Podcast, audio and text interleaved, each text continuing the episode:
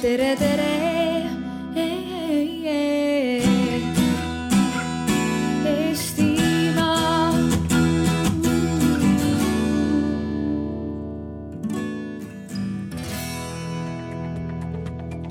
Aga tere, tere lõunat teile.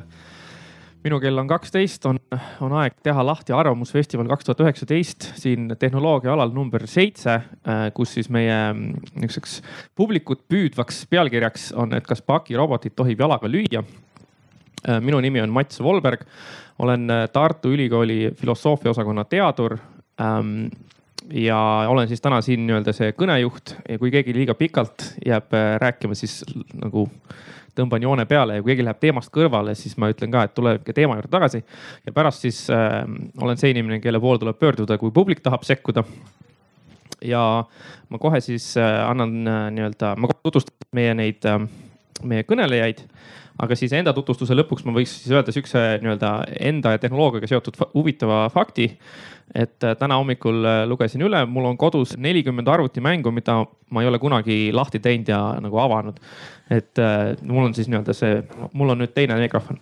nii ja siis minuga koos siin mm, on kõigepealt meil on Madis Vasser kes on Tartu Ülikooli psühholoogia magister ja Arvutiteaduse Instituudi neuroteaduse uurimisrühma doktorant. arvutus. arvutus, sorry, arvutus jah, nii. ta on ühtlasi siis virtuaalkeskuse Futuruum kaasasutaja. Eesti Rohelise Liikumis ja Eesti Rohelise Liikumise huvikaitse ekspert ja üks äh, huvitav äh, tehnoloogiaga seotud fakt tema kohta on siis see, et Madise absoluutne lemmik äh, ajakiri on Low Tech Magazine. nii, jah, nii, siis on meil siin ka Kai Härmand äh, kes siis ütles enda kohta niimoodi, et tema üle, igapäevatööks on äh, ühiselu reeglite, sealhulgas e- eetiliste tõekspidamiste seadusteks kirjutamine ja siis nende põhiseaduses äh, vä- väljendatud põhiõiguste ja põhiväärtustega vastavuse kontrollimine ehk teiste sõnadega õigusloome ja selle kvaliteedi kontroll ja üks huvitav fakt seoses tema ja tehnoloogiaga on see, et kui tema alustas oma tööd, siis tal arvutit ei olnudki, vaid oli hoopis ainult üks elektrooniline kirjutusmasin. nii, ja siis on meil siin äh, Mart Norma, kes ütles, et tema on kosmoseteadlane ja roboti ehitaja. Ja tema kohta üks äh, huvitav tehnoloogiaga seotud fakt on see, et tal on täitsa oma kosmoselaev, mis väidetavalt pidi praegu just olema meie kohal ja viimaks on meil siis äh, siin Margit Sutrop, kes on äh, Tartu Ülikooli eetikakeskuse juhataja, Tartu Ülikooli filosoofiaosakonna praktilise filosoofia professor.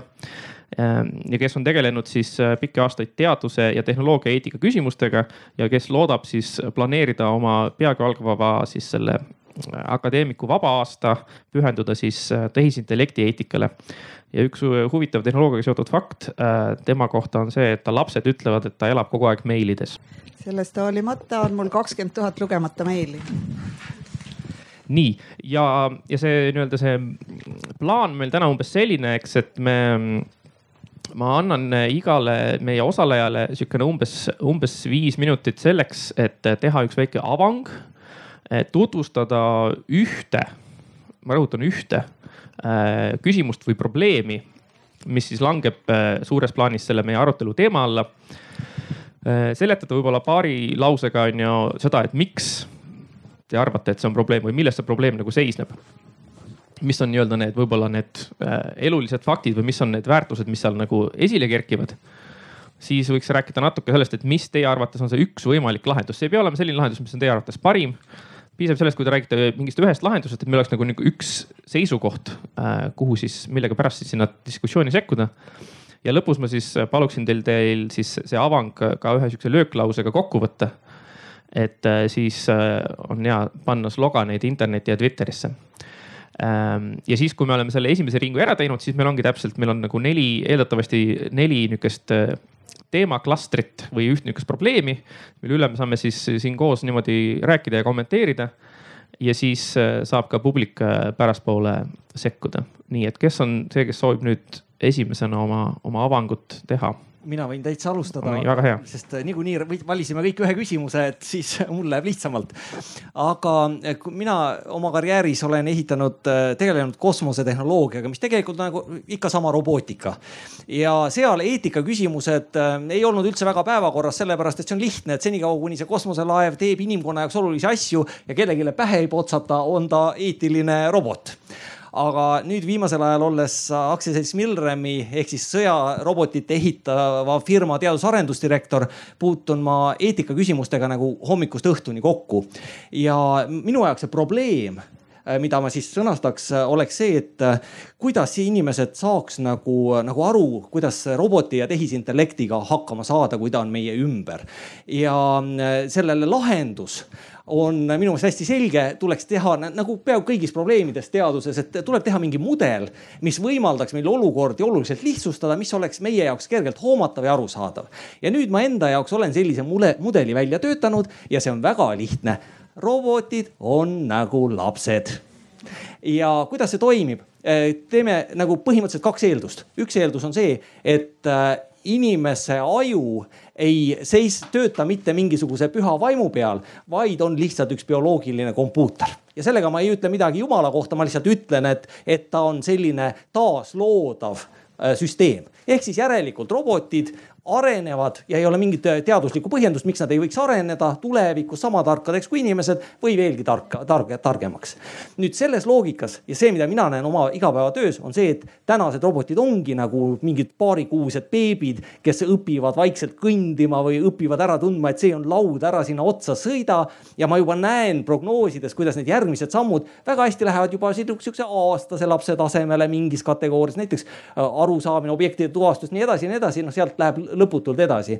ja, ja siis äh, ega selle kogu jutu kokkuvõtteks ehk siis vaadata roboteid nagu lapsi kui tuleb näiteks e, eetika, eetika küsimus, kas, kas rumalat last saab või väikest last, keda ei ole õieti kasvatatud, saab süüdistada, kui ta on ebaeetiline. kes vastutab, kui kümneaastane laps teeb pättuse, kes vastutab, kas tema või see, kes tema eest vastutab, ehk siis vanem.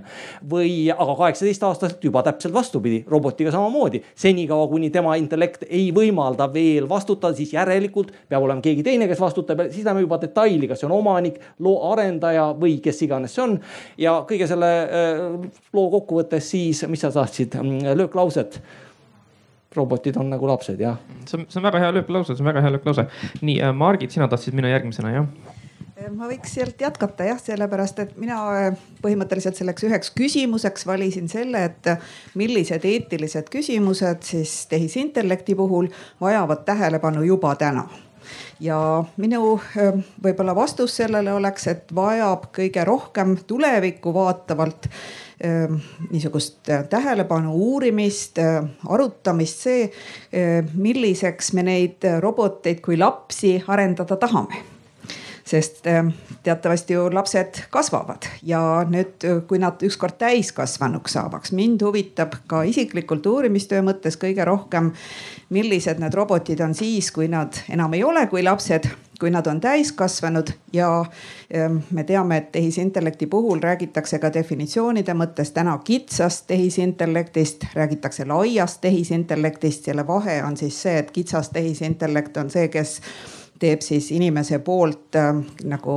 sisse programmeeritud või antud äh, käskude järgi äh, ikkagi otsuseid. ta äh, ilmutab küll intelligentset käitumist, analüüsides siis ümbritsevat keskkonda äh,. aga teeb otsuseid siis saavutamaks kindlat eesmärki ja ta on enam-vähem ikkagi äh, inimese teatud juhtimise all. nüüd lai tehisintellekt peaks olema siis selline, kes oskab teha kõike, mida inimene teeb ja mida oskab teha täiskasvanud inimene.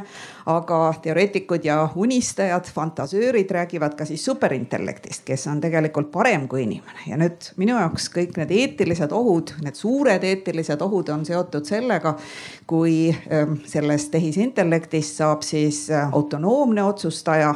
Ja küsimus on, kas ta siis äh, otsustajana on äh, sama hea kui inimene, kas ta suudab kõike seda teha, olla nii-öelda inimesega sarnases positsioonis, samaväärne või on ta parem?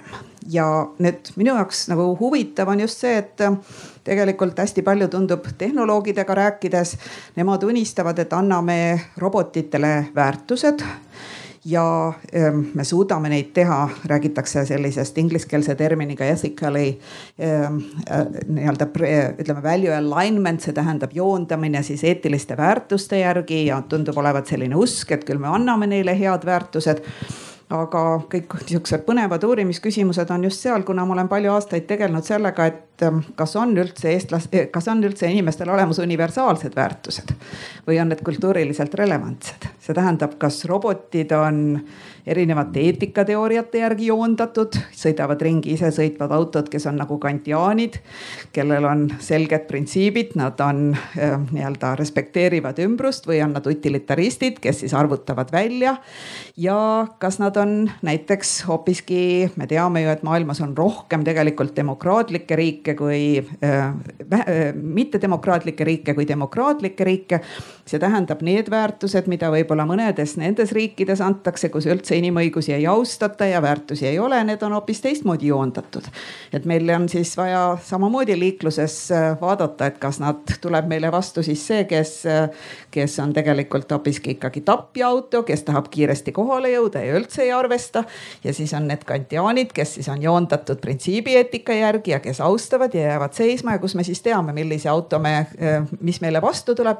ja tõepoolest, ma vaatan, et tehakse lausa juba empiiriliselt lausa katseid ja arutatakse arutataksegi selle üle, et, et missuguse, mismoodi inimesed tegelikult disainis ähm, nii-öelda sellest lähtuvad, et. et kas nad siis tahaksid ise olla sellises autos, mis kaitseb inimest, kes sees istub või austab neid, kes on väljas ja kui nüüd lastakse otsustada, eetiline eksperiment tehakse, siis inimesed ütlevad jaa, ta peab ikkagi vaatama, et ta ei sõida lastest üle, peab isegi rebase laskma üle, peab vaatama, et no enam-vähem balansseerima, vaatama, et seal autos sees olev inimene ka ikka surma ei saa. ja siis, kui küsitakse teine küsimus, öelge nüüd ausalt, kas te ostaksite sellise auto, mis kaitseb teid sees kõige esimesena või vaatab, et võimalikult vähesed tänaval surma saaksid siis valdav enamik ütles, tegelikult ma ostaks selle auto, kes mind igal juhul kaitseb.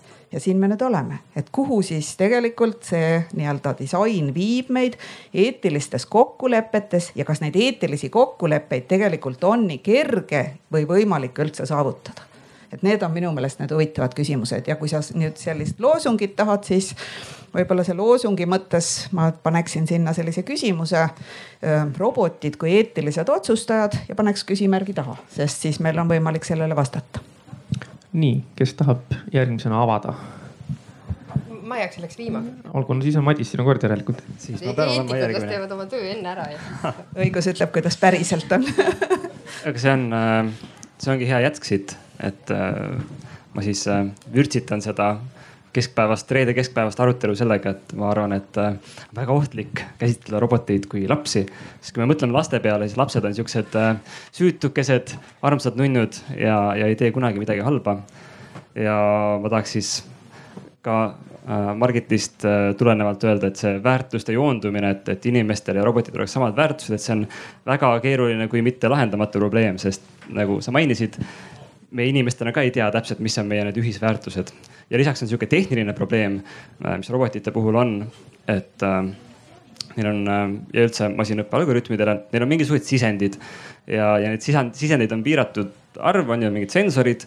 Äh, mõned sensorid on inimsensoritest paremad, näevad kaugemale täpsemalt, aga mõned teised sensorid on üldse puudu, nii et nad ei, ei taju maailma nii nagu inimesed. ja teiseks, neid algoritme arendavad ikkagi lihast ja luust arendajad ja arendajad on ka sihukese matemaatiliste probleemide eest, mida nad peavad kuidagi lahendama ja lahendusi on mitmeid erinevaid, igalühel on oma plussid ja on omad miinused. Need miinused on ka alati olemas seal, et, et need otsused, mis seal äh, masina sees toimuvad, on kuidagi ka, on valitud, et mis nad teevad ja mis nad ei tee. ja tahaks äh, jõuda selleni, et, äh, et siis võibki juhtuda see, milleni ma ise olen oma mõtteeksperimendiga jõudnud, et lõpuks sa saad äh, sellise tehisintellekti, mis on väga oma looja nägu ja kui me näeme, et praegu suuremad rahasummad liiguvad äh, Põhja-Ameerikas ja Hiinas sellesse valdkonda, siis me saame võib-olla sihukese äh, no, normaalse Ameerika ai või sihukese kavala Hiina spioon ai. Päriselu näide on sihukene, et, et kuidas ka nagu tavaelus ja juba tänapäeval nagu see probleem tekib väärtustes on Tartus, kes on käinud Vanemuise teatri ees, on sihuke ilus rohuplats. seal on mõnus pikutada. aga see suvi ilmus sinna üks robotniiduk inimeste jaoks pandi silt, et ära roni siia, siin on robot. ja robot väärtustab ühtlaselt pügatud muru ja see on väga ilus muru, aga nüüd inimeste jaoks see puhkeplats on nüüd ära võetud, sest seal on see robot, et sa võid usaldada, et ta jääb seisma, kui sinu laps seal muru peal mängib, aga võib-olla ei jää ja siis on hästi halb ja küsimus ongi see, et, kuidas me seda olukorda klapitame, et äh, üks variant on, et et äh, teeme robotid rohkem inimeste sarnaseks, aga see on hästi keeruline. teine variant on see, et aga muudame inimesed roboti sarnaseks.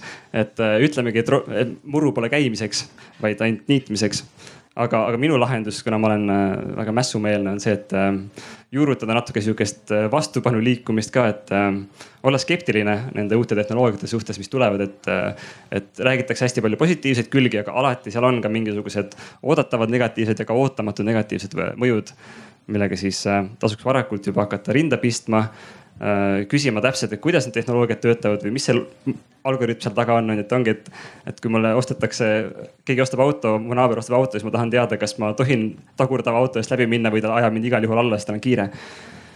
Ähm, ja võib-olla siis, kui me hakkame õigustest rääkima, et siis piirata neid õigusi, et, et kuidagi robot pakiautomaat ei saa kuidagi ülemaks äh, jalakäija ees, kes tahab lihtsalt üle tee minna ja, ja mina näen seoses, kuna sai mainitud, et ma olen rohelises liikumises ka ja keskkonnateemadega väga kursis ja need teemad ei ole väga meeldivad, mis seal praegu toimuvad.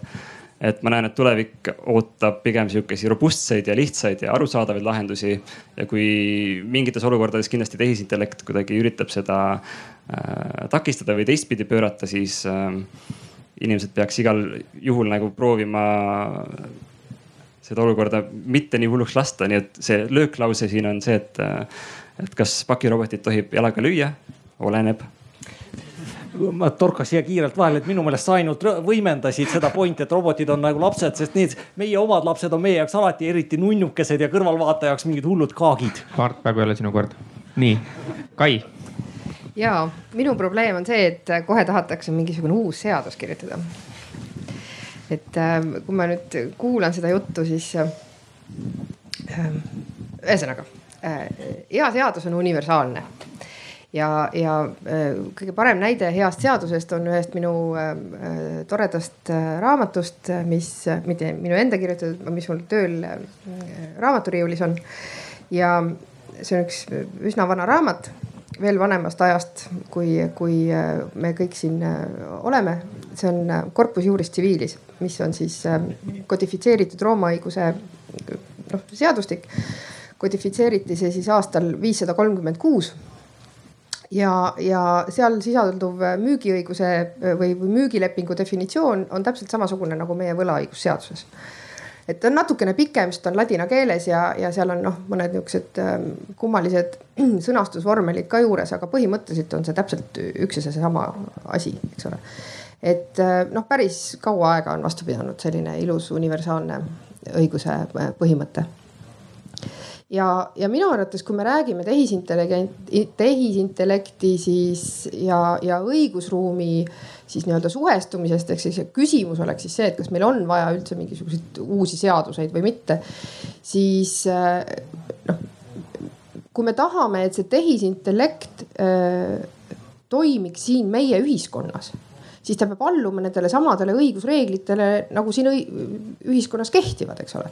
et äh, kui, äh, kui me ütleme liiklusseaduses, et äh, jalakäija on see nii-öelda kõige nõrgem ühik liikluses siis, siis ta on, olenemata sellest, kas see on isesõitev auto, pakirobot või, või jalgrattur, eks ole kes sellest jalakäijast siis üle ei tohiks sõita, eks ole ja, ja täpselt samamoodi on, on ka ütleme selliste keerulisemate äh, funktsioonidega tehisintellekti puhul, eks ole, et kui me tahame, et ta avalikus sektoris mingisuguseid otsustusi teeb, siis, siis või, või ka erasektoris mingisuguseid nii-öelda otsustusi teeb. tehisintellekt ei tee ju äh, noh, ta ei ole iseseisev ühik me saame kogu äh, tegevuse, olgu see siis mõne juriidilise isiku tegevus või, või füüsilise isiku tegevuse, lõpuks ikkagi mingisugusele inimesele nii-öelda ära taandada, eks ole. et, äh, et äriühingu puhul teeb, teeb otsuse, teeb juhatuse liige, see on luust ja lihast inimene ja, ja, ja, ja kui see äh, äriühingu äh, juhatuse liige, luust ja lihast inimene ütleb, et, et me teeme mingisuguse äh, tehnoloogilise lahenduse, mis, mis ei sobi meie reeglitega. Ma ei tea, olgu need siis mingisugused tarbijaõiguse reeglid, eks ole, kes hakkab siis mõnda tarbijat diskrimineerima või me teeme avalikus sektoris mingisuguse roboti, mis hakkab tegema otsuseid, mis, mis ei ole kooskõlas seadusega, siis, siis see lihtsalt ei sobi sinna. Ja ongi kõik, et noh, ega siis see tehisintellekt ei saa teha teistsugust otsust kui, kui äh, inimene, kes peaks selle otsuse tegema. kui me ütleme, et pensionit saavad äh, need inimesed, kes on kuuskümmend viis aastat vanad, äh, on pensionisambaga liitunud ja veel mingid nipet-näpet kriteeriumid, siis, siis inimene teeb selle otsuse, vaatab, kas need viis kriteeriumit on olemas ja see tehisintellekt peab olema samamoodi üles ehitatud niimoodi, et ta kontrollib, kas need viis kriteeriumit on olemas ja kui on, siis ta teeb otsuse ja ja kui ei ole, siis ta teeb otsuse ei. Et noh Äh, kindlasti on mingisuguseid detaile, mida on vaja, vaja võib-olla tuunida, eks ole, aga, aga minu siis see noh, ma ei tea, see, see, see loosung on siis see, et, et jätke see eriseadus kirjutamata. Võt,. võtke rahulikult. jah, ma tahtsin kohe otsa küsida, et kui on jalakäija robot? Jalakäija robot, jalakäija on meil inimene kui, kui on, kui on äh, kahel jalal robot, kas teis on jalakäija äh, liiklusseaduse mõttes? ei ole, sest liiklusseaduse mõttes on jalakäija äh, inimene. miks me ütleme, et ta on kõige nõrgem, sellepärast et ta tunneb valu, kui, kui talle otsa sõita. pakirobot ei tunne valu, kui talle otsa sõita, ta läheb lihtsalt katki. nii, aga ma tahaks nüüd, ma tegin siin mõned märkmed ja me siis Mart, ma tahaks nagu võib-olla ilmselt hakata esimesena nagu sind kiusama. Et siin paar niisugust kommentaari juba visati sellel teemal, et ei tea, et kuidas ikka nende lastega nagu on ja nii. et, et ma võib-olla küsiks siis nagu äh, nii-öelda esimesena sellise küsimuseks, et, et kas äh,, no ma olen selles mõttes nõus jah, et, et, et mudel on alati mingisugune lihtsustus, eks. ja, ja see on paratamatu, eks. ja samas on see, et see ja selle mudeli mõte ongi nagu see, et aidata seda keerulist asja natukene nagu kuidagi selgemaks teha. aga et kui me nüüd tõesti võtame selle, ma olen ise sedasama asja mõelnud, eks, et nad on natuke nagu lapsed ähm,. olemata ise sealjuures lapsevanem ähm,. et kas sa ei karda, et võib tekkida moment, kus on teatud nagu alahindamine? et, äh, et no selles mõttes tõesti, eks, et tänased masinad äh, ei ole sellised nagu ulmefilmidest on näha, kes lähevad ja tegutsevad, võtavad ise otsuseid vastu, onju. aga sellegipoolest on ju see, eks, et nende pelgalt see, et nad ei ole bioloogilised robotid, on ju. noh, et see, et nende arvutusvõime on oluliselt kiirem, et noh, isegi siis, kui nad oskavad seda ühte asja teha, nad oskavad seda teha palju-palju kiiremini. ja siis on nagu see, et okei okay,, ta natuke nagu oleks laps, aga, aga mingis mõttes ta on ikkagi noh, nagu noh, juba nagu superinimene, eks. et ma ei tea, kas, et mis sul nii-öelda, nii-öelda vastus on siis sellele kriitikule, kes ütleb, et kuule, et aga äkki see viib meid sellele, et me nagu alahindame neid ma arvan, et noh, see on väga lihtne, see lihtsustatud mudel, võib-olla täpsem oleks öelda, et robotid on nagu inimesed. Nad on lihtsalt mingis teadusarengu järgus, see oleks täpsem. robotid on nagu lapsed, see kõlab paremini, kui sa Facebooki tahtsid panna, see särab sealt kaugemale. aga mõte on selles, et tänased robotid on nagu lapsed ja noh, jah, ma ei äh, arutle siin mingi Facebooki näotuvastus äh, algoritmi võimekuse üle, mina vaatan ikka neid lihast, lihast ja luust, rauast ja plastmassist äh, roboteid, kes meil õue peal ringi vuravad libe nõlv. ja, ja, ja libedast nõlvast lähevad hästi ülesse, sest neil on roomikud aga, aga nende puhul noh, need kõik arenguastmed on sarnased ja näiteks seesama mudel, selle rakendamine. kuidas sa lähed äh, ohvitserile, tuleb sul mingisugune kapten vastu või mingi kolonel vastu ja sa pead selgitama, mis võimekusega sinu robotrühm on. siis äh, kui sa ütled, et äh, kui ta, kui ta mõtleb seda nagu, kuidas ta peab käskima oma inimsõdureid ja ta saab aru, et näiteks ajateenijad täiesti seinast seina intelligendiga, intelligentsiga arusaamisega, iseotsustusvõimega, siis ta saab ka aru, et tegelikult ahah, needsamad põhimõtted tuleb ka robotitele üle kanda selles mõttes, et sa kunagi täpselt ei tea, kuidas sa täpselt just seda, selle tüüpi roboti intelligent milleks ta võimeline on, kuidas ta saab olla sulle toeks selle operatsiooni elluviimisel. ja noh, kõigis teistes valdkondades samamoodi, ehk siis, siis mõte on selles, et nad arenevad, sa pead, see annab kohe nagu lapsed, see annab kohe punkt üks, nad pidevalt arenevad. punkt kaks, keegi vastutab nende eest, keegi kuskil. Äh, see, et äh, ja nii edasi, siin võiks nagu lõputult minna, nii et äh, ma arvan, et seda on nagu väga raske kritiseerida lähenemisviisi, aga loomulikult pole see kõikvõimas. nii, Margit, sul oli näpp püsti. ja ma läheks ka jälle sealt edasi, et ma arvan, et on tõesti see kõige olulisem koht on ju see, et et kuidas see otsustamine robotite puhul toimub ja kuidas see edaspidi toimuma hakkab, et see iseõppimisvõime on neil juba olemas ja me nagu selles mõttes kirjandust lugedes ma saan aru, on ka natuke mure, et nad on natuke juba black box, et nad õpivad tegelikult asju, mida ja õpivad niimoodi ise, et seda enam päriselt see tegija äh, nagu otse ette ei näe.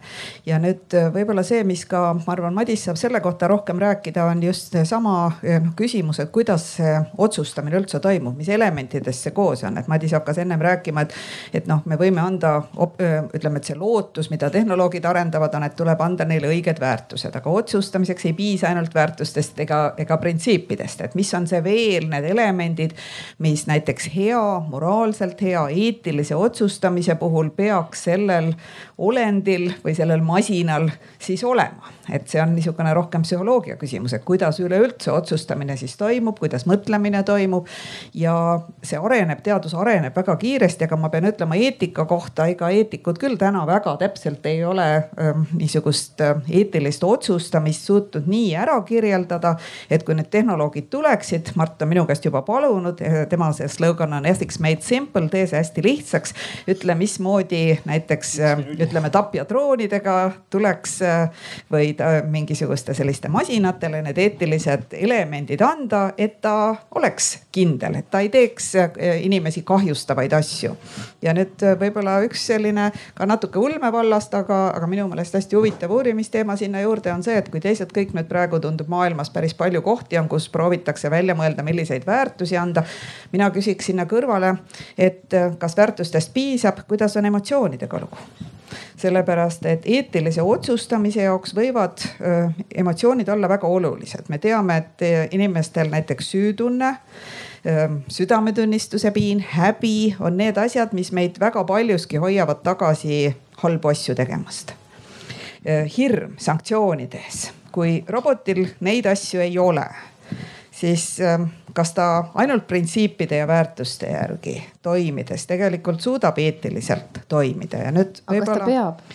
Ehm, no see on nüüd see küsimus selles mõttes, et me räägime, kui me räägime tänasest päevast, siis tundub, et pigem Euroopa Komisjon ka hiljuti tegi oma juhtnöörid, pigem on selline üldine konsensus on ärme lase tal autonoomseks muutuda teeme nii, et ta oleks nii-öelda human centric mõtlen, ja inimene ja, hoiaks seda kontrolli. ma mõtlen nagu Aga... sedapidi, et kas äh, me saame talle anda ju tõesti mingisugused kriteeriumid ette, et aga, aga noh, kas neid eetilisi valikuid üldse peakski see robot no tegema? aga see, see tähendabki, et see me operaator hoiame... lõpuks ikkagi teeb need eetilised valikud. ja, aga see tähendab seda, et me suudame teda hoida nii-öelda kontrolli all ja disainerid, ütleme, tehnoloogid ei tee seda edasi. kui vaadata kirjandust, siis enamasti tehakse prognoos neljakümne neljakümne, viiekümne aasta pärast me jõuame sinna, kus need robotid hakkavad ise otsustama. räägime viiekümne aasta pärast siis uuesti. ja vot see on nüüd hea, võib-olla ma siit korra veel tohiks öelda, et, et see on see Col Coleridge'i dilemma, mille kohta öeldakse, et ärme praegu midagi tee ja ma saan aru, et juristid väga paljuski on, on seda meelt, et küll me siis reguleerime, kui asi on käes, aga see Coleridge'i dilemma ütlebki seda, et,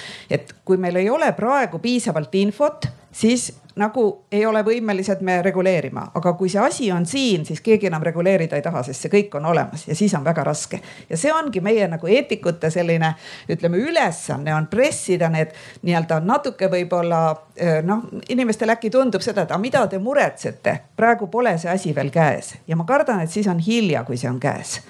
ja seetõttu mina muretseks ette natukene nii, oota Margit. eestlased on üldse suured muretsejad, me teame, Taagepera ütles, et eestlased muretsevad, isegi lapsi muretsetakse, nii et. ja nüüd me äh. muretseme roboteid, eks ole. et Margit nagu mingis mõttes viskas äh, Madis sinu poole siis selle jutu pool ka edasi, eks, et, et ta tõstatas siis selle küsimuse, et noh, et, et mis on need asjad, kuidas see otsustamine üldse käib, on ju. mainis ära selle, et võib-olla jah, et filosoofid ei ole suutnud kirja panna niisugust eetilise otsustamise protsessi, niisugust mehaanikat, mida oleks võimalik programmeerida. on, on, on ikka pandud, neid on hästi palju erinevaid. jah, nii, aga ma ütlen. aga nad ei nõustu, täpselt ei ole. aga sina kui siis äh, psühholoogia taustaga inimene, et kas sa võiksid siis natukene noh, nagu kommenteerida seda just täpselt seda, et seda otsustamise protsessi ja mis on võib-olla siis noh, et, et kuidas sulle tundub, et mis on võib-olla ongi need olulised komponendid, kas lihtsalt pelgast mingisugusest sensoorsest andmestikust, mis nagu nende sisendite kaudu tuleb, kas sellest piisab, on ju, või mis on seal nagu juurde vaja? see oli alles paar kuud tagasi, kui äh, Tartu Ülikooli arvutusliku neuroteaduse töögrupi liikmed mõtlesid, et kurat, aga me ei ole emotsioone nagu üldse, üldse siia programmi panda. kuidas me neid üldse panema peaks et kuidas sa defineerid äh, hirmu nagu numbriliselt, aga võib-olla nagu üldine kommentaar on see, et et kui on äh, siin lootus, et viiekümne aasta pärast me vaatame graafikut, et viiekümne aasta pärast on see superintellekt, intellekt kohal, et see eeldab seda, et ähm, et siin on kaks valikut nagu kuidas, kuidas tehisintellekti arendamisele läheneda, et üks on see, et, et ta praegu on meil sihukene mööndustega laps äh,. aga et meil on lihtsalt liiga vähe andmeid veel ja liiga nõrgad arvutid, et kogume rohkem andmeid, paneme veel rohkem arvutusjõudu taha, siis ta nagu ühel hetkel saab väga valgustatuks. ja siis on teine sihukene punt inimesi, kes ütlevad, et vaadake, et meil on juba päris palju andmeid äh,. kui, kui mingisugune masinõppe algoritm mängib arvutimängu, siis ta mängib neid põhimõtteliselt kiirendatult, aga aastakümneid, enne kui ta oskab nagu mingisugusest kivist üle hüpata. et meil on hästi palju andmeid ja meil on hästi suur arvutusjõudlus selle taga, aga need algoritmid on ikkagi kuidagi üsnagi äh, algelised. et äkki me lihtsalt läheneme hoopis valesti sellele asjale. et kui me vaatame inimaju, siis äh, ta töötab sihukese väikse lambipirni jõudlusega ja on, on väga äh, universaalne oma, oma probleemi lahendustes et see peab olema kuidagi teistmoodi üldse üles ehitatud, et, et see praegune toore jõuga surumine viibki meid ainult sellemaani, et meil on mingisugused väga hästi kabet mängivad masinad, aga kui sama masin läheb võileiba tegema, siis ta kukub ümber ja läheb põlema. et, et meil ei ole seda ülekantavust.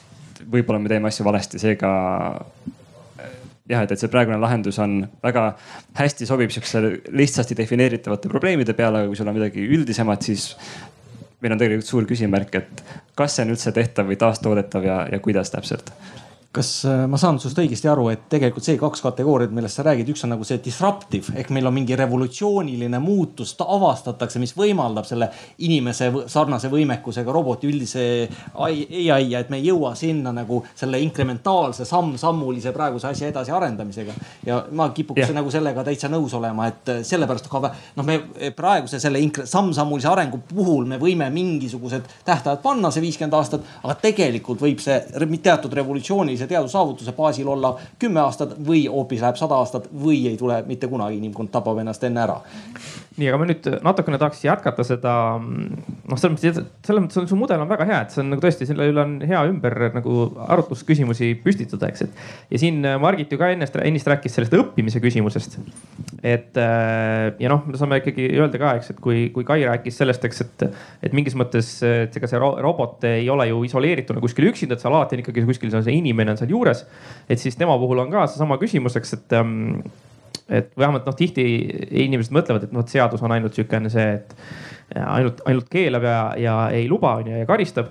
et ähm, et kuidas te näete seda või kuidas te noh spekuleeriksite selle üle, et tekitada olukorda siis, et masinat õpetada niimoodi, et ta suudaks ära eristada, et me õpetame talle ära tee seda versus ära jää vahele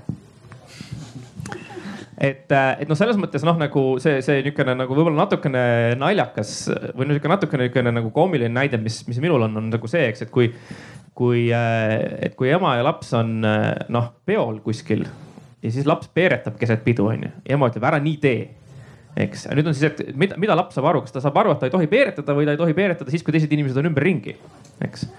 et, et selles mõttes noh, kuidas siis nagu, mida siis teha, eks, et, et ähm, et siis noh, näiteks ja, et, et kui masin teeb midagi, mis on seadusevastane ja siis talle püüad talle õpetada, et ära nii tee, siis ah okei okay,, ma pean tegema nii, et ma vahele ei jää, onju. või, või ma ei tea, et ütleme, et kui, kui robot sõidab kellestki üle, et siis ta pärast jääb, hea küll, ma sõidan siis niimoodi üle, et pärast ei oleks mitte midagi alles või et noh, nagu, et kuidas me selle nagu momendi lahendame. kutsun oma sõbra Niiduki sinna appi juurde no sellel on, see on hästi praktiline küsimus, mida sa küsid nagu ühest vaatest, et kuidas tagada, et kaitseväed näiteks võtaksid robot relvasüsteemid kasutusse. ja üks lahendus, mida me Milremis oleme näinud tuleviku jaoks, on selline, et peab olema tagatud see nii-öelda must kast või logi, mis lähtub, mis algab sellest, kui ülem annab käsu siis edasi mingil hetkel läheb inimkäsuahelast see asi äh, elektroonikasse ja lõpeb selle hetkega, kui kuul rauast välja lendab. ja selles logis peavad kõik sammud olema äh, taasesitatavalt salvestatud, nii et peale konflikti olukorda on võimalik see logi võtta ette ja mitte keegi ei saa öelda, et oi, mina, mina operaator, mina ei teinud midagi, tehisintellekt läks lolliks poole peal aga selles ahelas kõik peavad teadma, et see info salvestatakse, see annab neile tugevdab seda vastutustunnet ja ennekõike me oleme seda mõelnud noh, ühest küljest inimese poole pealt, aga teisest küljest selle poole pealt, et kui meil on siis selline seltskond äh, stakeholder itest, äh, tootja, roboti tootja, roboti äh, hanke hankeosakond kaitseväes ja kolmas on kasutaja lahinguväljal, siis on hästi oluline, et peale mingit, kui midagi läheb valesti, et oleks võimalik selgeks teha, kas kasutaja kasutas valesti, kas hankes tehti valed otsused või tootmises olid äh, valed otsused. ja see, kui kõik teavad, et see on võimalik välja selgitada, siis ka vastutustunne on selle võrra kõigil tugevam nojah, vastutustunne, mul lähevad lambid põlema kohe selle peale. et äh, no mina ütleks niimoodi, et äh, kui, kui robot käitub nagu inimene, siis tuleb talle kasut-, äh, kohaldada inimese reegleid ja kui ta käitub pigem nagu masin, siis nagu masina reegleid, eks ole, see on see lihtsustatud valem on ju. teisest küljest, ega siis noh, nagu Margit ütles, et, et see ära jää vahele, see tuleneb ju häbist ja süütundest, eks ole, või mingist südametunnistusest, et, et kui sellel masinal seda ei ole, siis, siis sa ei saagi talle õpetada seda, et ära jää vahele, vaid noh, tal ongi ongi, äh, tal ongi kriteeriumid ja kui ta äh, järgib neid kriteeriumeid, siis, siis ta tegutseb ja, ja kui midagi on puudu, siis ta noh, nii-öelda jääb seisma, eks ole.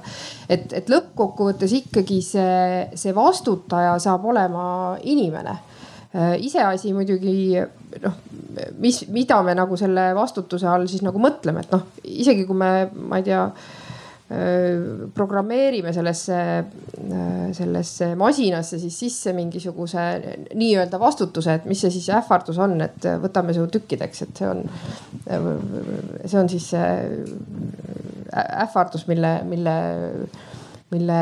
lülitame välja. või lülitame välja jah, et mille alusel ta peaks siis kuidagi oma käitumist adapteerima, aga, aga mina ei, äh, ei arva, et äh, masin peaks kuidagi nii-öelda vastutama.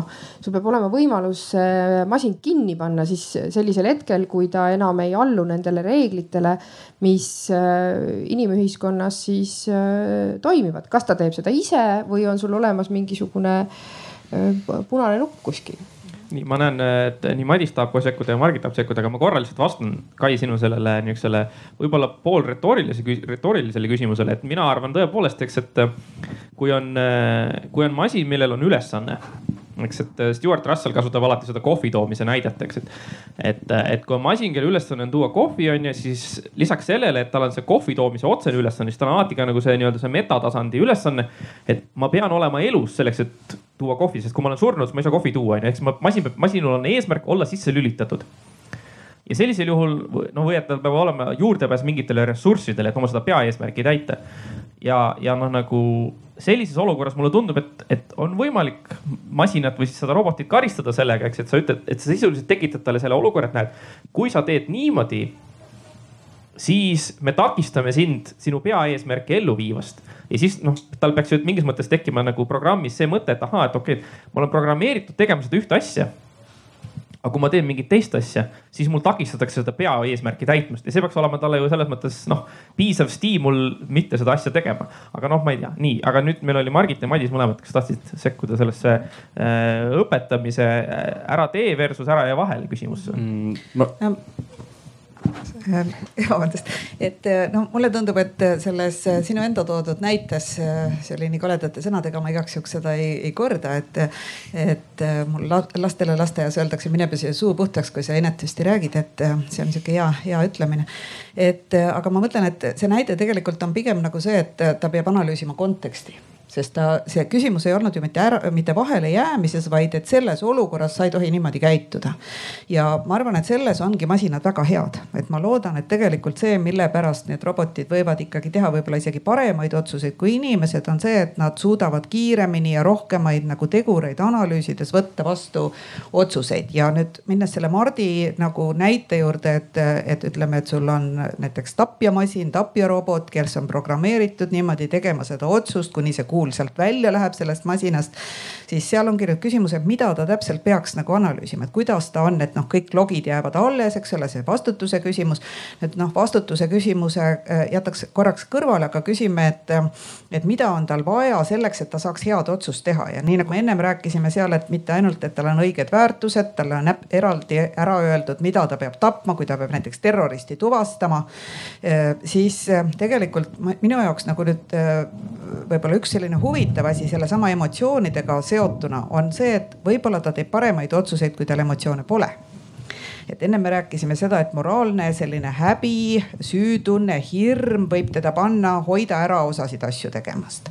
aga teistpidi näiteks tehakse ka eetiliselt halbu asju sellepärast, et sul on hirm, näiteks kui ta hakkab enesekaitseks tapma aga kui robotil ei ole hirmu, näiteks kujutame ette, seal kaitseväest räägitakse, sellised dilemmad on, et sulle tuleb vastu äh, rase naine äh,, moslem, rase, aga sul on tunne, et ta tegelikult on terrorist ja inimesel on väga raske seda otsust teha, et ta tapab selle raseda naise, tal on see käsk, eks ole, hoida elu, naine on tegelikult see, kes vajab eriti respekti.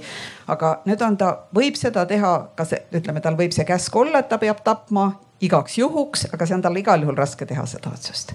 ja teiseks tal võib hirm olla, ta tapab ainult hirmu pärast nii nagu isesõitev auto võib olla, ähm, ütleme, tavalised autod, me teame liikluses teevad väga hulle asju sellepärast, et sul on see liiklusraev, sul ajab jubedalt vihale, et ta sinust mööda sõitis, hakkad ise kihutama, teed ka halbu asju. isesõitval autol ei tohiks seda raevu tekkida, ta ei peaks tegema asju sellepärast, et tal on mingid emotsioonid ja võib-olla see on jälle lootusrikas, võib-olla ei pea talle neid emotsioone andma. et see on nagu see minu niisugune edasimõtlev küsimus, lahendust sellele täna ei ole või ütleme niimoodi, et see on osaliselt vaja otsustada või nagu analüüsida, kuidas inimesed täna otsuseid teevad. ja teine on siis see tõesti, missuguse niisuguse noh disaini me tegelikult siis nendele robotitele anname nii, ma üritan nüüd mälust välja tuua kõik need mõtted, mis mul olid.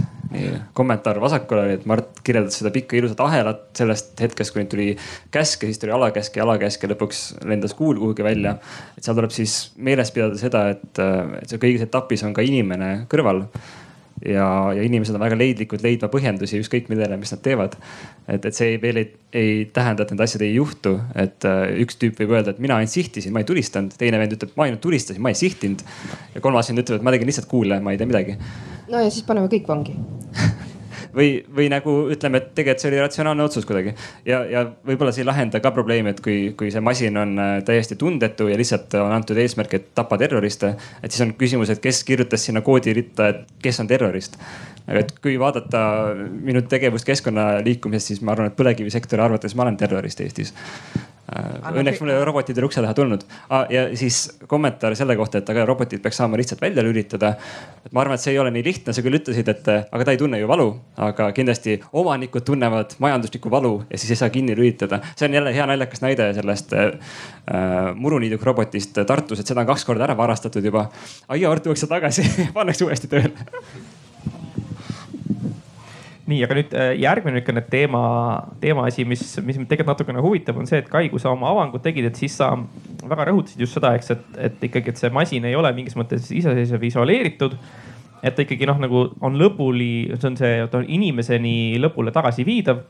ja sa vahepeal ka korra mainisid seda, et, et, et kui meil on kahtlus selles, et, ähm, et et võib-olla see masin ei ole võimeline mingisuguseid eetilisi otsuseid vastu võtma, siis võib-olla peakski korraldama niimoodi, et masin teeb ainult neid otsuseid, millel mingis mõttes justkui nagu puudub see, see eetiline, ütleme, see ähm, dimensioon, eks, et tõesti see, selle pensioni määramine, see on lihtsalt nii-öelda nagu noh, kontrollid, kas tingimused on täidetud ja kõik on ju, et seal rohkem nagu midagi ei ole, eks.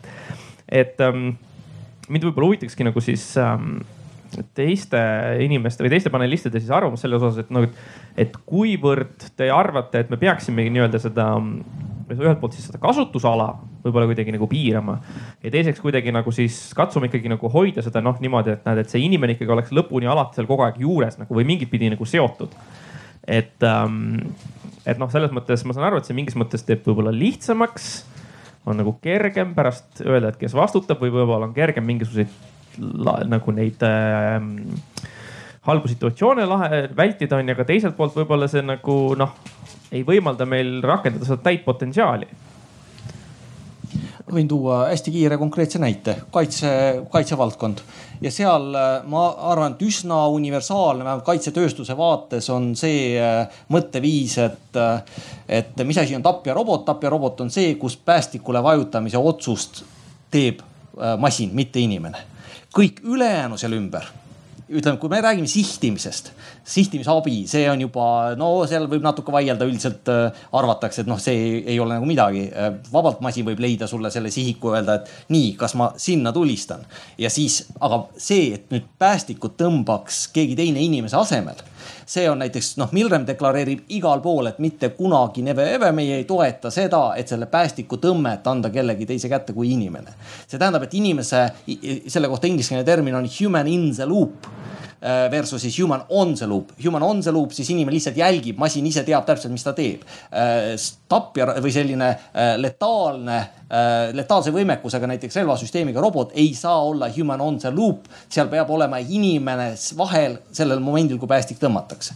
üks väga konkreetne näide ühest valdkonnast, kus äh, ja see on nüüd asi, mida siis Euroopa Parlamendi tasemel arutatakse, ÜRO tasemel arutatakse just selle, selle punkti sissekirjutamine. nimetatakse seal see meaningful human control, mis peaks olema sellistel sõjariistadel peal, sõjarobotitel, mis võib, võivad inimesi tappa. Meaningful human control, aga see, mida see päriselt tähendab, see on pika dispuut, dispuudi küsimus ja ma võin nimetada mõned riigid, näiteks Ameerika Ühendriigid, Iisrael äh,, mittedemokraatidest sellistest riikidest ei räägi üldse, kus see eetiline arusaam võib olla nagu hoopis teistmoodi. noh, näiteks rakettide alla tulistamine, hävituslennukite alla tulistamine täisautomaatselt ilma inimese sekkumiseta.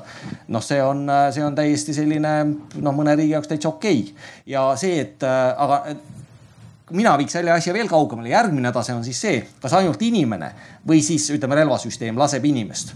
Kuulipilduja inimese vastu mitte kunagi ma ei tahaks näha seal arvutit päästikut tõmbamas. aga kujutage nüüd ette, et tuleb üks punaste viisnurkadega tank siit nagu üle mäe ja, ja minu tankitõrjerobot siis on laskmiseks valmis. siis sel juhul ma ütleks, et aga pane see pauk ära, ära, mis sa minu käest enam küsid. kui punase viisnurgaga tank on keset Paide vallimäge, siis ta ei ole siin rahumeelsel eesmärgil. pane see pauk ära kõik. Ma võtaks uuesti sind korra, me oleme nii emotsionaalselt juba laetud sellest viimasest näitest, et, et see küsimus oli nagu selles, et, et kas me peaksime piirama seda, kui kaugele ta läheb, et oleks parem kui no,. mulle tundub, ma ei tea, võib-olla Kai, et sa tahad nagu korra uuesti sõnastada aga mulle tundus, et sa ju mm -hmm. nagu viitsid sellele, eks, et ühest küljest on see, eks, et see inimene et alati on see inimene seal olemas ja teiseks on nagu see, et võib-olla. ja võib-olla on nagu see, eks, et need kohad, kus me teda rakendame, võiksid olla sellised, kus mm -hmm. neid potentsiaalseid eetilisi probleeme, sain ma sinust, oli õige? no jah, enam-vähem põhimõtteliselt on ju jälle, me ei räägi millestki uuest, on ju, et, et kui me vaatame kogu Eesti õig-, noh mitte ainult Eesti õigussüsteemi, aga üldse õigussüsteeme, siis siis, äh, siis need reeglistikud on ju sellised, et sul on kas mingisugune eelkontrollisüsteem või järelkontrollisüsteem, eks ole, noh alati olemas olnud. et äh, kas sa, kas siis Äh, on mingisugune näiteks nii-öelda nelja äh, silma äh, printsiip, et, et mingisuguse otsuse tegemisel peab vähemalt kaks eraldi inimest seda samasuguse otsuse tegema. või siis on sul järelkontrollisüsteem, noh tavaliselt, eks ole, näiteks kas mingisugune vaidemenetlus või, või, või kohtumenetlus, eks ole, kus, kus, kus neid olulisi, inimese jaoks olulisi otsustusi noh kontrollitakse ja, ja, ja kui me laseme siis tehisintellektil äh, toimida inimühiskonnas, siis äh, peab samamoodi olema, et kas, kas selline eelkontrollisüsteem sinna sisse ehitatud või järelkontrollisüsteem sinna sisse ehitatud. Ja, ja seda me võime tõesti mõelda, et kas teatud äh, küsimuste üle me saame ju ka öelda, et, et neid küsimusi ei saa ei inimene ise ega ka mingisugune äh, tehniline süsteem otsustada, eks ole. noh, ma ei tea, minu arust see eutanaasia on näiteks äh, hea näide, eks ole, et Eestis äh, ei saa otsustada inimene praegu selle üle, et kas kas ta siis saab nõuda endale assisteeritud suitsiidi või mitte, eks ole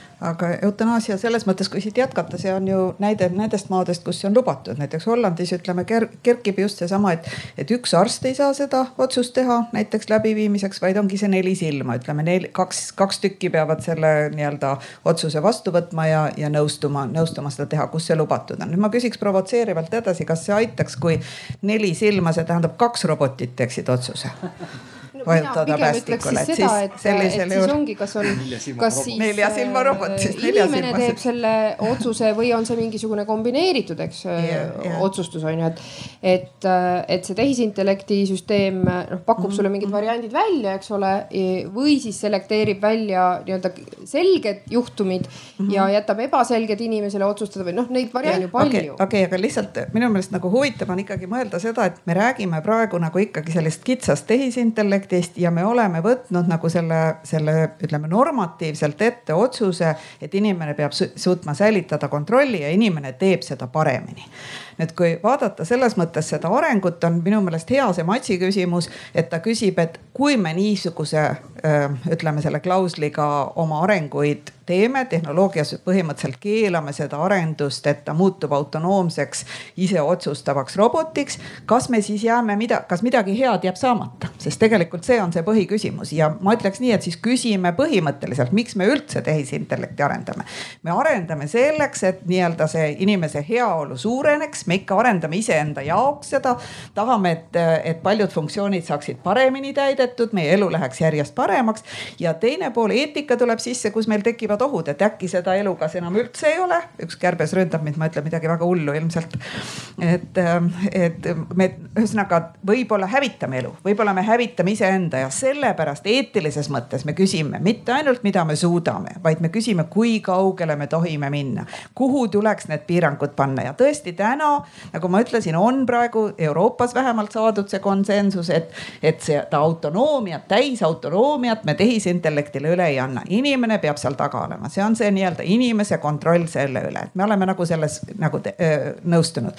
aga olles paljude erinevate tehnoloogia eetikatega tegelenud, üldine selline arusaam on see, et mida saadakse teha tegelikult kusagil maailmanurgas tehakse ära. nii oli see kloonimise nii-öelda sellise keelu panemisega. kusagil keegi ikka püüab teha tõeliselt autonoomselt otsustavat tehisintellekti. ja nüüd on küsimus muidugi juriidiliselt, kui kaugele me läheme, millised regulatsioonid kogu maailmas seda piiravad, aga teistpidi ma arvan, ma oleks siiski kuidagi võib-olla ebaeet-, tavaliselt eetikud on pigem ettevaatlikud, aga mina küsiks, miks mitte ja minu nagu võib-olla ma ütlen selle veel korra ära, mina ütlen, miks mitte, sellepärast sellepärast, et ma olen inimesest ka väga halval arvamusel. minu meelest inimene teeb inimene väga palju ebaeetilisi otsuseid ja kontrollib väga halvasti. äkki see superintellekt teeb seda paremini, äkki ta ikkagi ongi parem eetiline otsustaja kui inimene mina ei äh, väida seda, et inimene peab äh, kõiki neid otsuseid nii-öelda üle kontrollima, mina väidan seda, et, äh, et kui see tehisintellekt ka autonoomselt otsustama hakkab, siis ta peab tegema neid otsuseid vastavalt sellisele, sellele noh, millises inimühiskonnas ta nii-öelda opereerib aga kui ta et, Hiinas et on või kui ta mõnes tõeliselt totalitaarses no, siis, Põhja-Koreas on, siis on seal tehisintellekt. jah, seal ongi see, et, et noh, Põhja-Koreas see tehisintellekt ilmselt teebki teistsuguseid otsuseid aga kui, ta tuleb ka meie maailma, oht on ju selles. kui meil on meie nii-öelda. tahaks tulla ja. sekkuda. ja ma pean, pean sekkuma, sest siin kõlas jälle see, et kui tehnoloogiat on võimalik teha, siis seda tehakse ja ta tuleb niikuinii. et mina olen siin ju see vastupanu liikumine, kes ütleb, et oot-oot.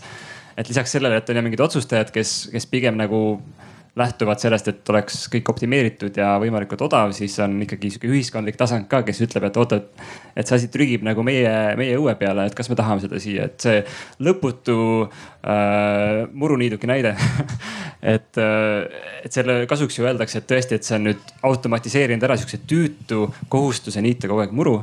aga seal võib küsida nagu sihukese laiema küsimuse, et miks me seda muru üldse niidame et äh, meil on, kui meil on elurikkuse kriis, siis meil oleks väga hea, kui see muru kasvaks seal, et, et mingid asjad, mille üle me siin vaidleme, mida saaks lahendada sellega, et me otsustamegi, et seal valdkonnas me piirame, onju. et ma saan aru, et kui sul on postkontoris äh, automaat, mis sorteerib posti, siis see on väga hea robot. kui sul on sihukene väga inimeste igapäevaellu tungiv, füüsiliselt äh, ja mingeid tohutuid probleeme tekitav tehnoloogia, et kas, kas meil on kuidagi võimalik seda piirata nagu juriidiliselt, äh, legaalselt, kui ei ole, siis kas me saame seda teha sotsiaalselt, et siin on näide mitte küll nüüd nagu tehisintellektist, ka tehisintellektist tegelikult on olemas näiteid, et. et kui on mingid algoritmid, mis toodavad nagu umbes äh, võltspornot, nii et sinu pea on nüüd kellegi teise pea asemel. et siis seda on nagu aktiivselt ka pornosaidid hakanud keelama, et see ei ole okei okay. mm. -hmm onju, et seda on võimalik kontrollida puht sellega, et, et sa ei anna neile platvormi näiteks ma iga, igaks juhuks täpsustan ära, et see, et kui ma ütlen tehakse niikuinii, ei tähenda, et laseme teha, mida iganes tahetakse, et ma lihtsalt ütlen realistina, ma usun, et kusagil maailma nurgas tehakse see ära, aga ma usun ka, et kusagil maailma nurgas seda ka keelatakse. Ja nüüd on küsimus on, kui kaugele me jõuame selle keelamisega, millised on meie kokkulepped, kui kaugele me seda no ütleme iseenda kaitseks neid barjääre suudame ehitada, et see on pigem. no inimesed, noh, meil on ju ka reegel, et, et inimese elu on püha ja seda tappa ei tasu tasu, eks ole, et ähm, noh, täpselt, täpselt samamoodi, et meil on need keelud ju olemas, niikuinii tehakse, aga see ongi see, et mida me nagu, mida me ühiskonna nagu tolereerime, et, et kas, kas me tolereerime seda, et see tehisintellekt äh, surub meile peale ainult ratsionaalsed otsused või vastupidi, et me tolereerime seda, et, et meil on mingisugused eetilised äh, tõekspidamised, millel me siis noh, kasvõi needsamad Euroopa Liidu äh, Äh, tehisintellekti eetikareeglid, millele me siis allutame selle oma, oma tehisintellekti äh, arendamise nii, Mart, ma näen, sa tahad tulla. tahaks äh, kommenteerida tegelikult päris alguses nüüd tagasi tulla ühe asja juurde, mis Kai ütles. Muidu ma äkki ei teki võimalust kommenteerida, et kõigepealt ma ei tea, kas ma olen juba öelnud, aga robotid on nagu lapsed.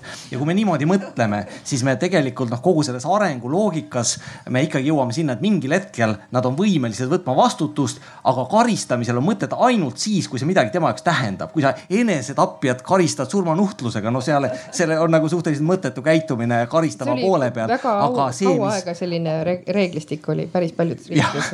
aga, aga just see, mis, mis sa sissejuhatuseks ütlesid, et kõige hullem asi või noh, kasvõi kõige hullem ettevõtte vaates on ka kõige hullem asi on ülereguleerimine, püüda ette ennustada, mis tulevikus tuleb ja see seadustesse väga palju varem sisse kirjutada. see, et me tegelikult täna võime neid samu inimühiskonnas toimivaid seadusandlust no üheksakümmend üheksa protsenti tegelikult see lahendab ära ka kõik robootika küsimused, sest alati kuskil keegi on seal vastu vastutaja, see kehtib veel no tubli, no väga pikka aega see veel kehtib. samal ajal kui teaduse mõttes see, mis Margit ütles, et me peame mõtlema selle peale, mis siis saab, kui tulebki inimesega võrdne või vähemalt noh, vähemalt viieteistaastase inimesega võrdne või võimekam tehisintellekt. täna me seadusandluses ei pea kindlasti sellega arvestama, aga teadlased, arendajad, meie peame kogu aeg selles suunas ka mõtlema. sa, sa aktiveerisid mul ühe mälujälje äh, Margit vist ütles, et, et võib-olla see emotsioonitu, külmalt kalkuleeriv äh, tehisintellekt võiks anda meile paremad vastused kui see, mis inimkond suudab anda. ja ma olen mõelnud selle peale, et, äh, et tõesti ju oodatakse, et äh, tuleb sihuke superintellekt, kes ütleb meile, kuidas seda kliimakriisi näiteks lahendada. aga ma olen mõelnud, et kui siis ühel päeval ilmub ekraanile sõnum ja sõnum on, et tarbige vähem istutage puid siis ma kujutan ette, et need, kes selle algoritmi tööle panid, on mingid, kuule, ei tööta nagu mingi, mingi jama annab meile mingit, mis asja, et te, vastus pidi olema ju, et tuleb supertehnoloogia, mis lahendab probleemid, et, et kas me, et kui tuleb sihukene ülitark masin, keda me siis, kellele me omistame selle superintelligentsi, kas me oleme siis nõus aktsepteerima seda, et kui ta ütlebki, et lahendus on hästi lihtne, ärge rabelege nii palju. issand, sa räägid nii põnevaid asju, sa võib-olla mõtleme, et see on mingi tulevikuvärk, aga mi, täna me ehitame Milremis roboteid, mis istutavad puid, kasutades selleks päikese päikeseenergiat. samuti me ehitame roboteid, mis, me mõtleme heina niitmise peale, miks peab muru niitma, sellepärast et kui sa ei niida, siis viie aasta pärast on sul võsa ja see, kas me igale poole tahame seda võsa, noh, see on jälle diskussiooni küsimus. aga no mingid põhjused on, miks neid teha ja see, et meie te arenev tehnoloogia aitab ka ikkagi käegakatsutavalt neid asju, mis on keskkonnale hea ja, ja inimesele hea eh, teha.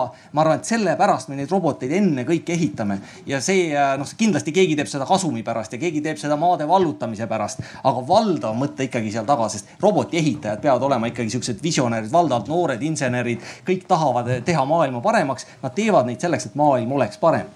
kellel puudub elukogemus ja kas ei ole nii, et saab olema ka igasuguseid roboteid, et ongi need mõned robotid, kes istut-, annavad need käsupuid istutada ja teised, kes ütlevad, et parem rohkem, parem rohkem tarbida, et see on ilmselt ikkagi seesama, seesama olukord jääb selles mõttes tegelikult kehtima ja ma mõtlen, et kui veel saaks korra ära öelda selle, et, et see noh, ka sellest vastutusest rääkides, et kui palju ta vastutab ja et kui ta hakkab ikkagi päris inimese sarnane olema või inimesest parem, siis me räägime ka ju päris sellisest ulmelistest asjadest nagu superintellekti puhul et see on inimese teadvuse üleslaadimine internetti ja kellegi pähe istutamine. et kujutage ette, kui need nii-öelda istutatud on needsamad, ma ei tea, Põhja-Korea juhtide superteadvus, mis kuskile ümber istutatakse ja millised käsud sealt tulevad, et need on need, need küsimused, mis tegelikult ärevaks teevad, et kus noh, ütleme tõesti, et see on fantaasia vald, aga samm ette nagu, nagu me jõudsime siin enne juba, juba järeldusele.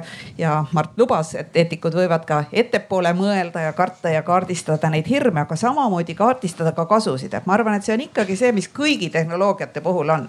Et me peame samavõrd mõtlema selle peale, mis need kasud on ja mis on need võimalikud kahjud ja leidma ühe sellise hea, ehm, ütleme sellise tasakaalu, aga see toimub olukorras, kus eri maades või eri grupid võivad täna väga-väga erinevalt sellest aru saada, mis on kasud ja mis on kahjud. siin ma korra ütlen publikule, eks, et, et kes te seal õues olete, et siin, siin ees siin telgis on ruumi, siin on vabu toole. ja väljas sajab. et kui, kui, kui tahate ilma käest varju, siis tulge julgelt sisse. ja siia ette võib kaltsuvaiba ka maha panna, kui siin on. Äh, ja ühtlasi ma ütlen. ja siin on ka üks vaba tool. ühtlasi ütlen publikule veel ka seda, eks, et äh, ma, ma õige pea annan siis teile võimaluse küsida küsimusi ja teha kommentaare.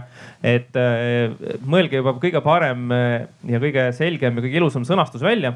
aga ennem seda ma korra lühidalt veel tahaks paneeli käest nii-öelda peegeldada siis seda seda küsimust, mis Margiti ja Madise avangust tuli siis esile, kui Madis rääkis sellest, eks, et, et, et see masin saab olema looja nägu ja, ja viitas siin sellele, eks, et, et, et tõenäoliselt Hiina ja Ameerika Ühendriigid on need, kes kõige enam hakkavad neid, neid masinaid looma.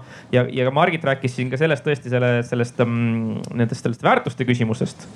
et um, et ma ei tea, siis ma korra kuidagi siis, ma ei olegi ise selles ka küsimuses ka kindel, aga võib-olla siis lihtsalt, et küsi ära. ma küsin ära jah, et nagu, et, et kuidas siis on nende universaalsete väärtustega on ju, eks, et, et kas esiteks neid on vaja üldse, võib-olla saab, piisab ka nagu, selge on see, et inimestel täna ka ei ole universaalsed väärtused ja saame hakkama, eks et miks me peame siis masinatelt neid universaalseid väärtusi nõudma ja teiseks on siis see, et kui me ütleme, et hea küll, et, et eestlased võib-olla suudavad välja mõelda, et mis on nende väärtused. et kas sellest äkki siis piisabki meile, et noh, et Eesti robotil või Eestis tegutsev robot, Eesti väärtused, kõik on korras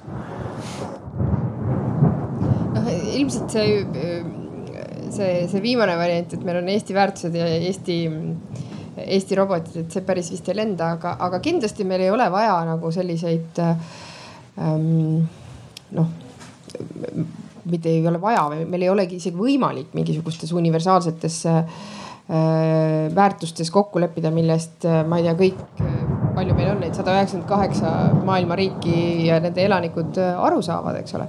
Aga, aga kindlasti on võimalik äh, noh, kui ma jälle sinna õiguse poole vaatan, eks ole, noh, on olemas ju rahvusvahelisi kokkuleppeid, mis on nagu väga laiaulatuslikud, kus, äh, kus väga paljud riigid on siiski mingisugustes äh, printsiipides suutnud kokku leppida ja, ja, ja noh, ma arvan, et, et noh, samamoodi on võimalik kokku leppida ka ju äh, Äh, nendes printsiipides, mida me rakendame tehisintellektile, et noh, need, see algus on ju tehtud, OECD-s on omad äh, põhimõtted välja töötatud, Euroopa Liidul on omad põhimõtted välja töötatud.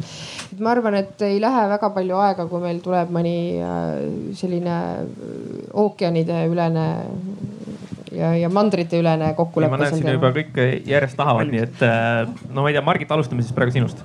no põhimõtteliselt ma olen, see on üks minu uurimisteemasid olnud, et kuivõrd on meil tegemist üldse universaalsete väärtustega ja, ja ma tegelikult ise arvan, et meil ikkagi universaalsed väärtused on olemas, et kui, kui sa usud, et Eestis on ühisväärtused, siis samamoodi võiks ju kahelda, et kas Eestil on mingid oma Eesti kokku lepitud väärtused. nüüd raskus on tegelikult selles, et kuivõrd me nõustume selles väärtuste interpreteerimises ja selles väärtuste hierarhias. et ma arvan, et nende dokumentide pealt ma toon lihtsalt ühe näite, et üks selline suur nagu katse ähm, teaduse jaoks olulisi väärtusi kokku leppida tehti UNESCO kaks tuhat viis äh, Human Declaration on Bioethics and Human Rights. Ja seal nüüd kõik see niisugune arutelu oli nii, et kutsuti kõik maad kokku, äh, hoolimata kõikidest erinevatest religioonidest, erinevatest poliitilistest äh, süsteemidest suudeti kokku leppida see väärtuste loetelu.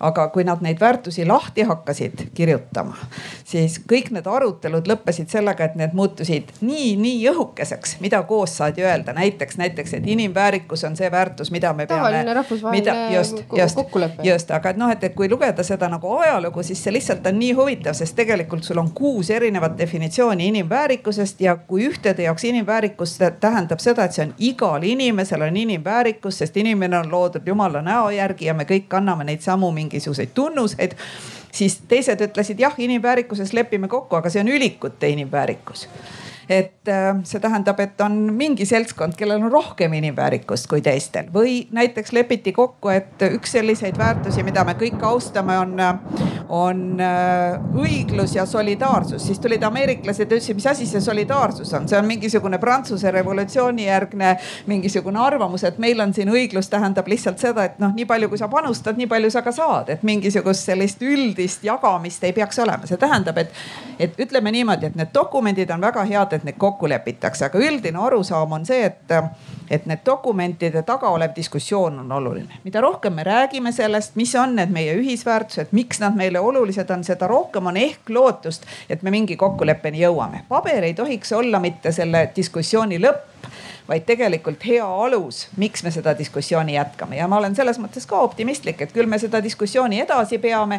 Need väärtused, mis me näiteks Euroopa Komisjon praegu on sinna kokku leppinud, need on kõik sellised, et hum, inimagentsus on oluline, siis puud, ütleme turvalisus, transparentsus,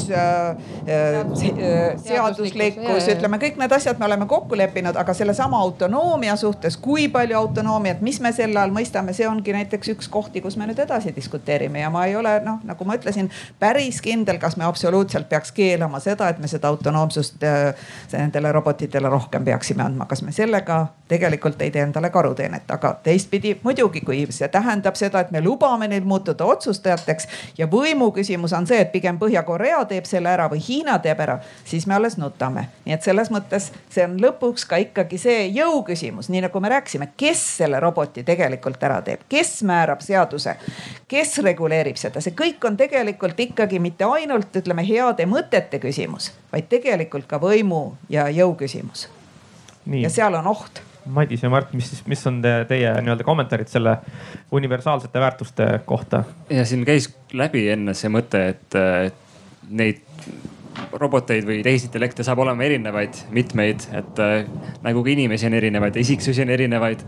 ja ma arvan, et siin ongi siis lõpuks äh, ja nagu me näeme, et, et kellelgi ei ole monopoli, et kõigil on mingi turuosa, et siis inimesel, kasutajal, kliendil on valik, et äh, millist tehisintellekti tema siis soovib kasutada või. ja kui ma rääkisin, et väärtusi inimese sarnaseks ei ole võimalik teha, aga inimest masina sarnaseks on võib-olla teha, et siis inimesel on valik, et kas ta võtab endale sihukese hääljuhtimisega koduabilise ja märkamatult hakkab ise rääkima nagu robot, on ju, et pane vannitoa tuli põlema ja läheb põlema, on ju, maagiline aga, aga sa ise kõlad nagu robot esiteks ja teiseks sa oled oma hääle ja jutu nüüd andnud kuhugi Google'i pilve. et minu arust on oluline see, et see jääks nagu siukseks valikuks, valikuliseks otsuseks, et see ei ole kohustuslik kuidagi, et, et kõik telefonid on nüüd homme päev hääljuhtimisega, et mulle see ei meeldiks, mulle meeldiks analooglahendused. et hoida, hoida seda võimalust, et, et saab ka sihukest valikut teha aga sa ei saa valida seda, kas see tapjarobot tuleb ja tapab sind, et selles mõttes on. siis Madis, ma saan teda jalaga lüüa. Madisel on kindlasti õigus selles, et eh, Matsil endal on üks väga tore näide selle kohta on külmkapist, et noh, et, et kas sinu külmkapp peaks olema selline, kes järgib sinu, eh, sinu käsku, et tee lahti ja anna mulle see kook siia või ta peaks järgima minu tõelist tahet, et ma otsustasin alla võtta ja see külmkapp hoiab ukse kinni ja ütleb ei, ei täna kõik kalorite hulk on käes ja täna sa lahti ei saa. siis võib seda külmkappi küll jalaga lüüa kuskile, ma arvan, et. ja siis sa lähed ja leiad. aga, aga Mart, mis sina, mis sina räägid? ma räägin, et siin on veel üks tool ja seal on teine, et te võite vabalt siia ettepoole tulla. siin on ka veel üks. siin on ka veel koht ja, ja seal on kohe koht, nii et tegelikult on, on siin palju ruumi aga mina läheks, võtaks sellest küsimusest, väärtuste küsimusest hästi väikse niši et e, mina olen siis see nii-öelda kõige pahem ilmselt see kapitalist, see, see ettevõtte esindaja, kes püüab kõike rahaks teha ma ütleks, et tegelikult ettevõtte jaoks äh, vaates ei ole üldse tähtis, et me peaks saama mingeid hulle tapja roboteid ehitada, vaid tegelikult on tähtis, et oleks kokku lepitud ühiskonnas, mida me võime teha ja see oleks enne, natukenegi enne teada, enne kui me investeerima hakkame sellesse tootearendusse.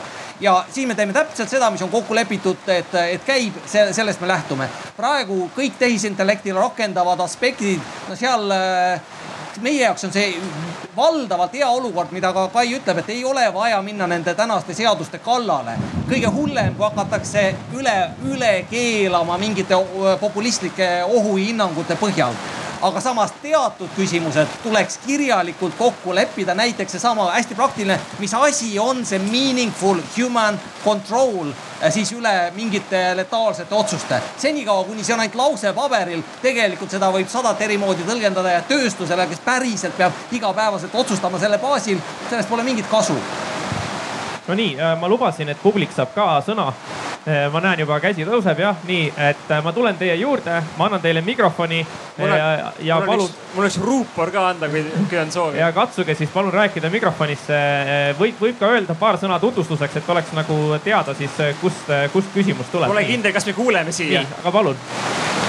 aitäh mina olen Roland, ma olen tehisintellekti juhitusega, ohutusega tegelenud üle kaheteist aasta ja viimasel ajal olen tundnud ka huvi äh, tehisintellekti õigusloome vastu.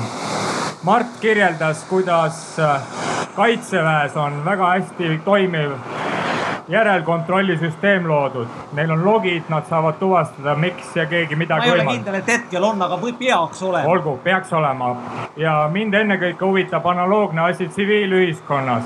kas meil on või saab olema toimiv järelkontroll, kui mingisugune tehisintellekt midagi teeb, ma toon näite.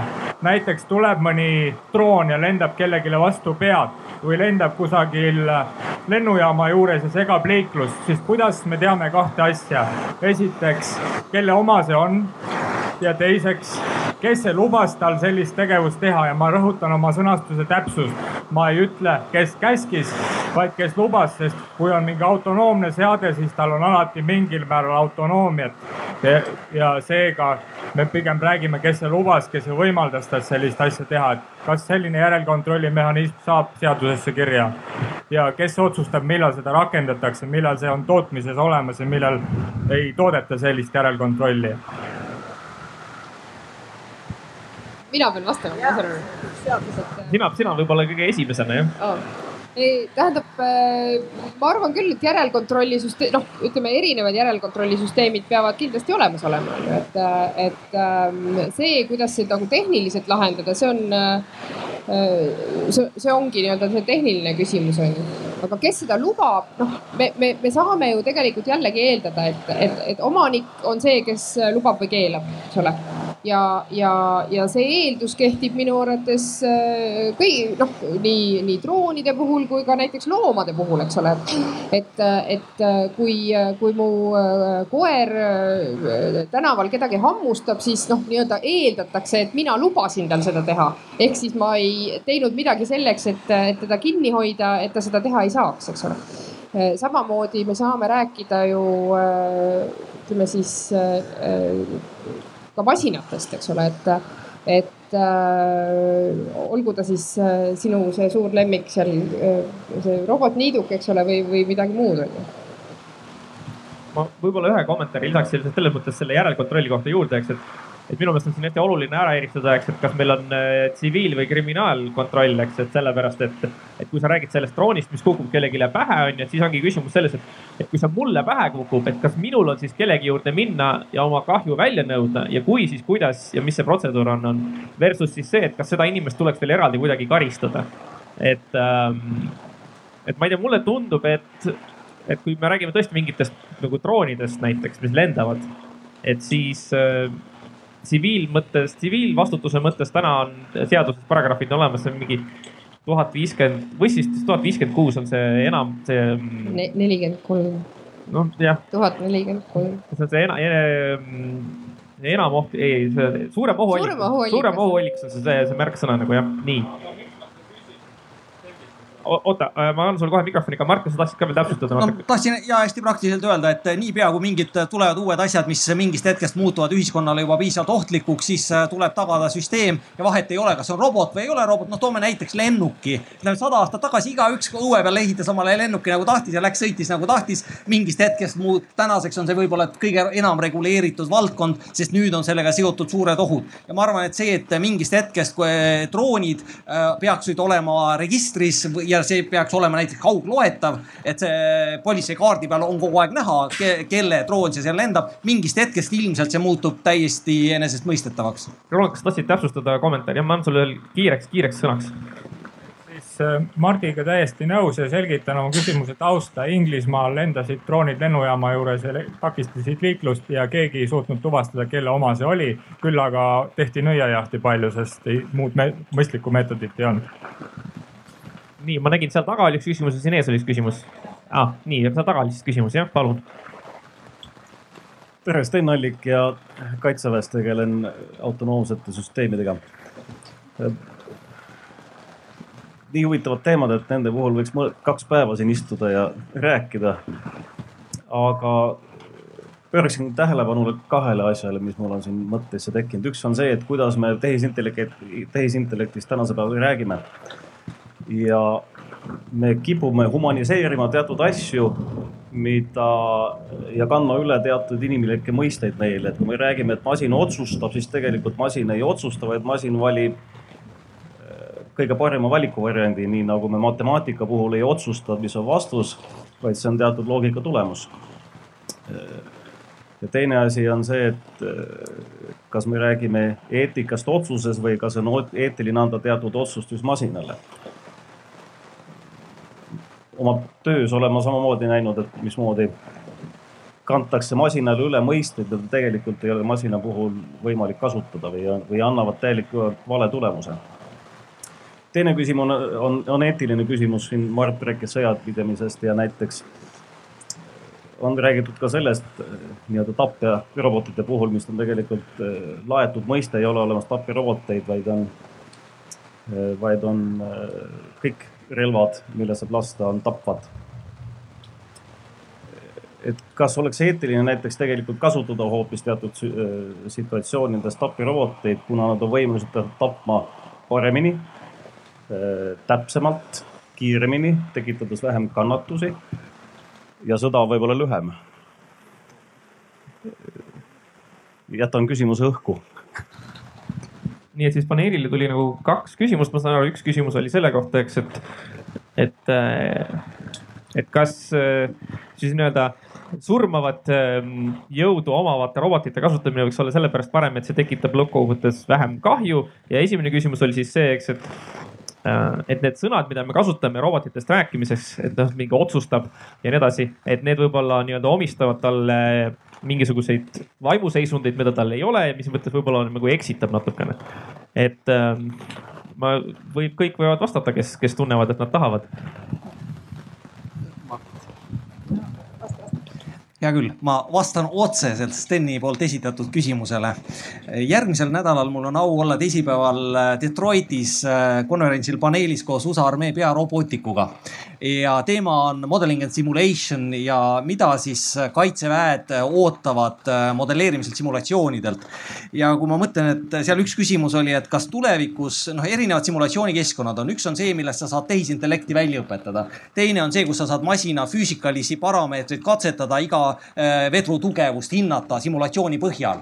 kolmas on see, kus sa treenid kasutajat ja küsimus oli, kas need tulevikus kõik konvergeeruvad ühtseks äh, simulatsiooni-keskkonnaks, mis võimaldab seda kõike ja see oleks nagu selline virtuaalmaailm, virtual twin inglise keeles, et, et vahet enam ei ole, kas sa mängid selles virtuaalmaailmas või sa, või sa sõidad pärismaailmas.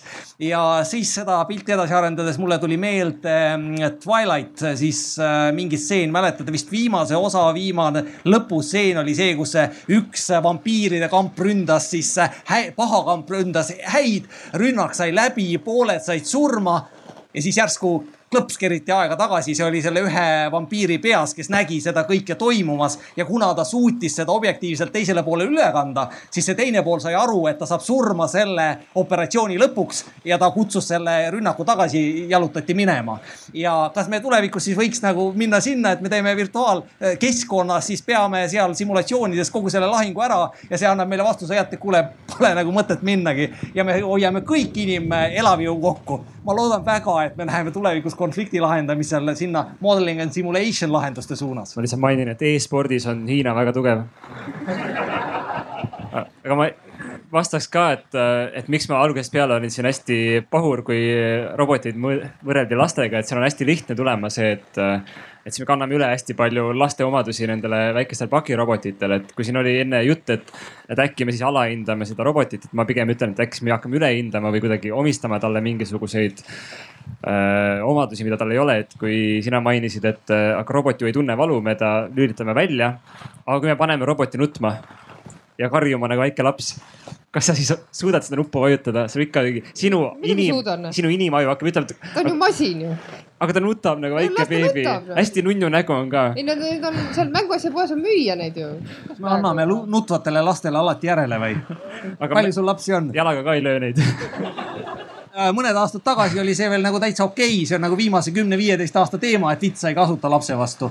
kusjuures see, see on üks oluline punkt, mida mu abikaasa äh, nagu, nagu hommikul arutasime, nagu esile tõstis, et see suhtumine hästi kiirelt muutub. näiteks see, kas lapsele võib vitsa anda, see, see ei, oli hoopis teistmoodi nagu viiskümmend aastat tagasi, äh, see arusaamine asjast. ja praegu on see ka väga erinev, ega robotite osas tule, lähitulevikus need arengud on ka ilmselt päris kiired. ja see teine see on üks hea näide sellest, kuidas ei ole ikkagi universaalseid väärtusi, et isegi mitte nii-öelda Eestis kokku lepitud väärtuseid, sellepärast et tõepoolest sellesama karistamise juures eh, võib väga kergesti tunduda, et mingi seltskond, noh, me oleme ju kokku leppinud, et lapsele ei tohi vitsa anda. ma mäletan ühte lastekaitsjaga koos tehtud konverentsi, kus üks lastevanemate liidu inimene ütles, et tema on andnud oma lasteaia kasvatajale loa tema lapsele vitsa anda, sest ta täiesti kindlalt usub, et tema laps muidu ei kasva, laps ei kasva ilma vitsata ühesõnaga meil oli konverentsi pealkiri oli, oli laps ei kasva ilma pitsata vist oli niimoodi pandud, aga tema arvas, et sellest pitsast üksinda on, on tõesti vähe.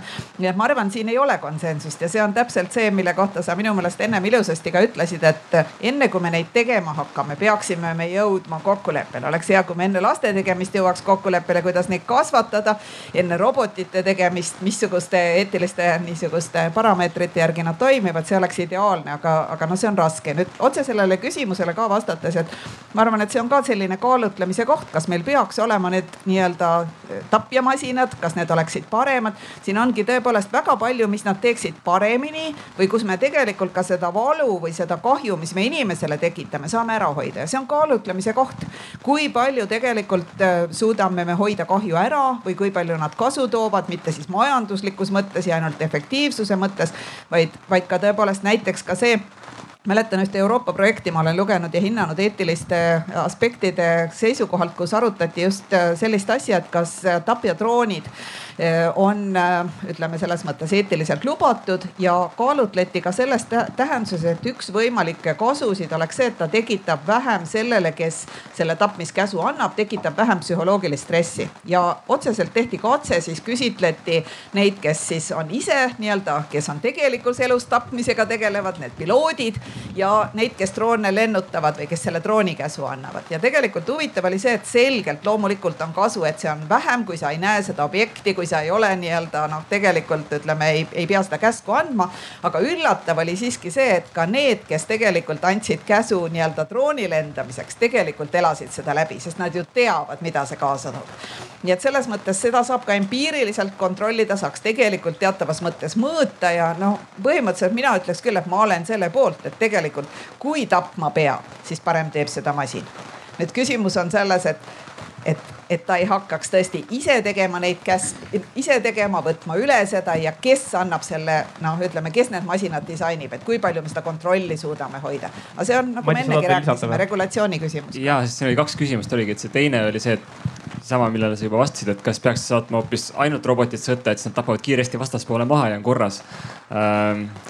vastaspoole siin... robotid no heal juhul robotid, aga kui vastaspool ei ole nii rikas, siis tavainimesed või sõjaväelased. Äh, ma arvan, mu vastus sellele on selline, et äh, olles ka ise tegeles kliimateemades, on praegu näha, et üks nagu reaalseim viis, kuidas seda süsteemi muutust saavutada, mis meil on vaja radikaalselt saavutada. see eeldab nagu sihuksi suuremat rahvaliikumist ja ka julgeolekujõudude ülevõitmist, mis tähendab, et äh, nendega on vaja rääkida, nende inimlikkusele on vaja koputada ja nüüd, kui politseijõud on järsku kõik robokopid, siis mul on koputada ainult sinna vastu seda kilpi ja sealt ei tule nagu mingit vastust. et äh, puht nagu sotsiaalselt ma leian, et, äh, et tapmine peaks olema võimalikult ikka rõve selle jaoks, kes tapab ja kui on võimalik teha robot, mis sulle lööb kõhtu iga kord, kui sa drooniga tulistad, siis see võiks olla eriti äge robot nii, kas äh, meil on veel aega, et kui publikus keegi tahab äh, midagi kommenteerida, küsida, ähm, lisada, täiendada, ometigi Arvamusfestival. ja sealt tagant tuleb midagi, nii, kas, kas inimesed aitavad mikrofoni anda, palun?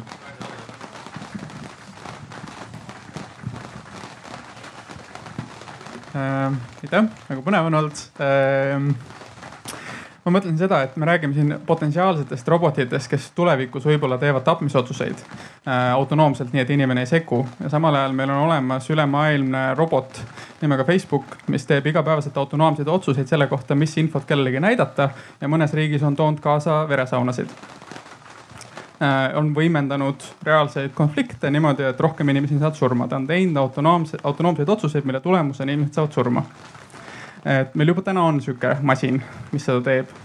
Äh, kas me peaksime midagi selle osas ette võtma? võtame ju. Äh, kas me peaks midagi rohkem ette võtma, sest ta jätkuvalt tegutseb, jätkuvalt surevad, jätkuvalt tapab kiire vastus on see, et nii nagu alguses arutatud on, see on selge case, kus selge vastutaja on võimalik äh, väga lihtsalt välja arvutada. see, kes selle süsteemi on püsti pannud, ta vastutab täielikult kogu selle, selle süsteemi toimimise eest. ja nüüd on ainult küsimus, kas kuskil kohtus oleks võimalik luua link nüüd selle surma saanud inimese ja läbi selle süsteemi toimunud mõju vahel. ja ma arvan, et senikaua, kuni seda linki ei ole võimalik saavutada, senikaua need süsteemid äh, vabalt arenevad edasi samas suunas. aga mingil hetkel jõuab ta selle piirini, kus see link on võimalik äh, luua ja siis, äh, siis tuleb seda tegevust piirata või siis on võimalik seda tegevust piirata sest valdavalt ikkagi enamus selle süsteemi tagajärgi on positiivne. enne kõiki äh, internetikaubamajadele, kes reklaamipakkujatele ja nii edasi. valdav majanduslik kasu on seal suur ja võimas ma arvan, et igasuguseid tehnilisi süsteeme saab äh, inimese kahjuks ja, ja, ja kasuks tööle panna, eks ole, et. et äh, aga mis konkreetselt võib-olla mitte ainult Facebooki, aga üldse kõikvõimalikke selliseid ähm, nii-öelda suuri või globaalseid süsteeme äh, mõjutab, siis siis noh, minu arvates on siin ju täiesti nii-öelda positiivsed arengud nagu olemas, eks ole, et meil on Äh, meil on järgmises äh, paneelis või selles järgmises arutluses, me hakkame kohe andmete üle rääkima, onju. et äh, meil on üsna sarnased andmekaitsereeglid tekkinud nii Euroopas kui ka, kui ka Ameerikas meil on esimesed toredad kaasused, kus, kus neid globaalseid ettevõtteid juba ka ohjatakse, noh reeglina läbi, läbi raha, eks ole ja, ja, ja see tegelikult otseselt mõjutab just nimelt, sest et, et noh, et mis noh, kõik ongi ju küsimus selles, et mis on selle, selle ettevõtja huvi on ju, selle ettevõtja huvi ei ole tekitada veresaunu. selle ettevõtja huvi on, on saada kasumit ja, ja kasumit ta saab siis, kui, kui võimalikult palju inimesi nagu tuleb sellesse, sellesse süsteemi, eks ole, mitte ja, ja, ja riigid ei võta trahvirahana seda raha nendelt äh, nagu ära, eks ole ma arvan, et see on väga hea nagu nii-öelda tuleviku teema või nagu sa ütlesid, et teistes, teistes aruteludes kindlasti jätkub, aga üks asi, mis nende noh, robotitega seotud on, on just nimelt andmete küsimus ja suurandmete küsimus, mitte ainult siis privaatsus, vaid ka see, et kellele nad kuuluvad, et kui Eest, ütleme Eestis kuuluvad andmed inimesele, aga Hiinas näiteks on väga erinev see suhtumine, eks ole, et kasvõi sellest tulevad juba needsamad niisugused arutelud väärtuste üle ja millised need mõjud on ja, ja kindlasti seesama nende suurandmete teema teema on see, mis absoluutselt tuleviku teema on, millega Eesti peaks minu meelest äh, veelgi rohkem ja veelgi hoogsamalt tegelema, et kõikidele noortele, kes midagi tahavad mõelda, millega nad edaspidi tegelevad, mina soovitan kogu aeg, et õppige, õppige andmete, andmeteadust, et see on kindlasti üks väga suur tulevikuteadus. ja ma vastaks sulle, et kui sa küsisid, et kuna see asi juba praegu toimub, on ju, et mida siis juba praegu teha ja siis jällegi tuleb see nagu äh, vastuhakuhing minus välja, et, et see skeptilisus tuleb hoida nagu nii, nii aktiivne kogu aeg, et, et sa iga kord, kui sa avad Facebooki, sa pead meeles pidama, et sa ei näe sealt reaalsust. sa näed sealt mingit hästi kummalist kõverpeeglit, mis on kas siis äh, kellegi erahuvide või sinu veidrate sõprade veidrate huvide kogusumma ja siis on veel keegi seal vahepeal midagi häkkinud. ja pool, mis sa näed, on äh, lihtsalt võltsing, sest äh, algoritmid suudavad toota juba nii veenvaid võltslugusid, et, et sa ei saagi aru, et see oli võltslugu ja selle siis hakkad vaatama nagu algallikat ja algallikas on ka võlts ja siis sa oled nagu lõpuks sihukeses väga sürreaalses maailmas, siis sa peadki minema uksest välja ja vaatama, kas. ja seda inimestki pole, kelle konto see on. täpselt ja, ja see nägu seal äh,, sihukene veebisait on äh, selle link oli vist, et this person does not exist, kus üks algoritm genereerib sulle inimnäo, mis on inimnägu, aga seda inimnägu ei ole olemas, see on lihtsalt genereeritud ja see on fotorealistlik, sa ei saa aru, et see ei ole päris. ma arvan, et kõige lõpuks me peame kinnitama I am not a robot. Nii, aga sealt tagant ma saan lubada ühe kiire, kiire, kiire kommentaari või kiire küsimuse, sest meil kohe hakkab aeg otsa saama mul tuli meelde seoses selle arvuti lõhkumisega kas Jaapanis või kuskil tehti lastele vist mänguasi, mis nuttis ja rääkis ja, ja suhtles nendega ja lapsed kiindusid neisse rohkem kui oma mängukaaslastesse. jah, et, et see on, ma arvan, et igasuguste muude robotitega võib samamoodi minna, kus me kipume humaniseerima masinaid ja mismoodi see inimestevahelisi suhtluseid Äh, mõjutab, on teine küsimus, nii nagu Facebook tänapäeval tekitab teatud äh, tehismaailma, millest on isegi raske välja tulla mõnedel hästi kiire äh, kommentaar selle küsimuse peale oleks, mul oli väga hea küsimus, kommentaar, aga mul läks juba meelest ära. Mina, mina kommenteeriks seda, et kui te tahate natuke nendes õudu tekitada, siis lihtsalt tänaval seiske ja vaadake, kui paljud inimesed lihtsalt vahivad ainult mobiili, ainult oma mobiili, et neil on niisugune väike koduloom. see, see on hämmastav, et nad ei ole veel tehtud sihukeseks väga isiklikuks ja karvaseks. Ähm, aga et inimesed on lihtsalt kogu aeg vahivad oma mobiili, midagi vahivad ja põhimõtteliselt nad vahivad sellest Facebooki, sest sa oled juba selles sõltuvuses. et äh, jah, et see Tamagotši näide on, on nagu minevikust ja see oli hästi lihtne asi, lihtsalt kolm nuppu ja mingi sööda, pane magama, pissita, sööda. ja inimesed olid täiesti hullud selle järgi mul tuli meelde, mis ma tahtsin öelda, ma tahtsin öelda seda, et äh, ma arvan, et on parem robotile pai teha ja kolm korda päevas, kui see ei tee robotit paremaks, siis sind ennast teeb see paremaks inimeseks. aga teine pool on sellest, et mõtleme vaese Mark Twaini peale. vaene Mark Twain, ta nii ilusti Tom Sawyeris kirjeldas, kui, kuidas äh, neegrid teevad palju nalja nagu mõistlikele inimestele ja kuidas need orjad on ikka niuksed, äh, siuksed noh, naljad-ilad seal ja, ja tänapäeval siis nagu Ameerika see, ma arvan, et normaalses peres Tom Sawyerit eriti enam ei loeta ja koolides ta ei ole kohustuslik kohustuslik kirjandus.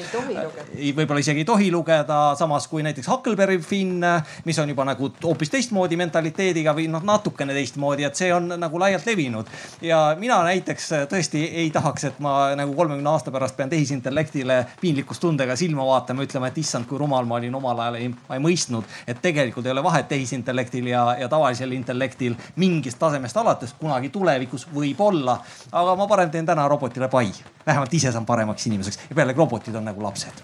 nii äh, ja nüüd sellega, sellega meil ongi paraku meie aeg äh, on läbi, nii et ma paluks siis meie publikuga ühinege minu, koos minuga, et teeme siis meie arutlejatele suure tänuaplausi.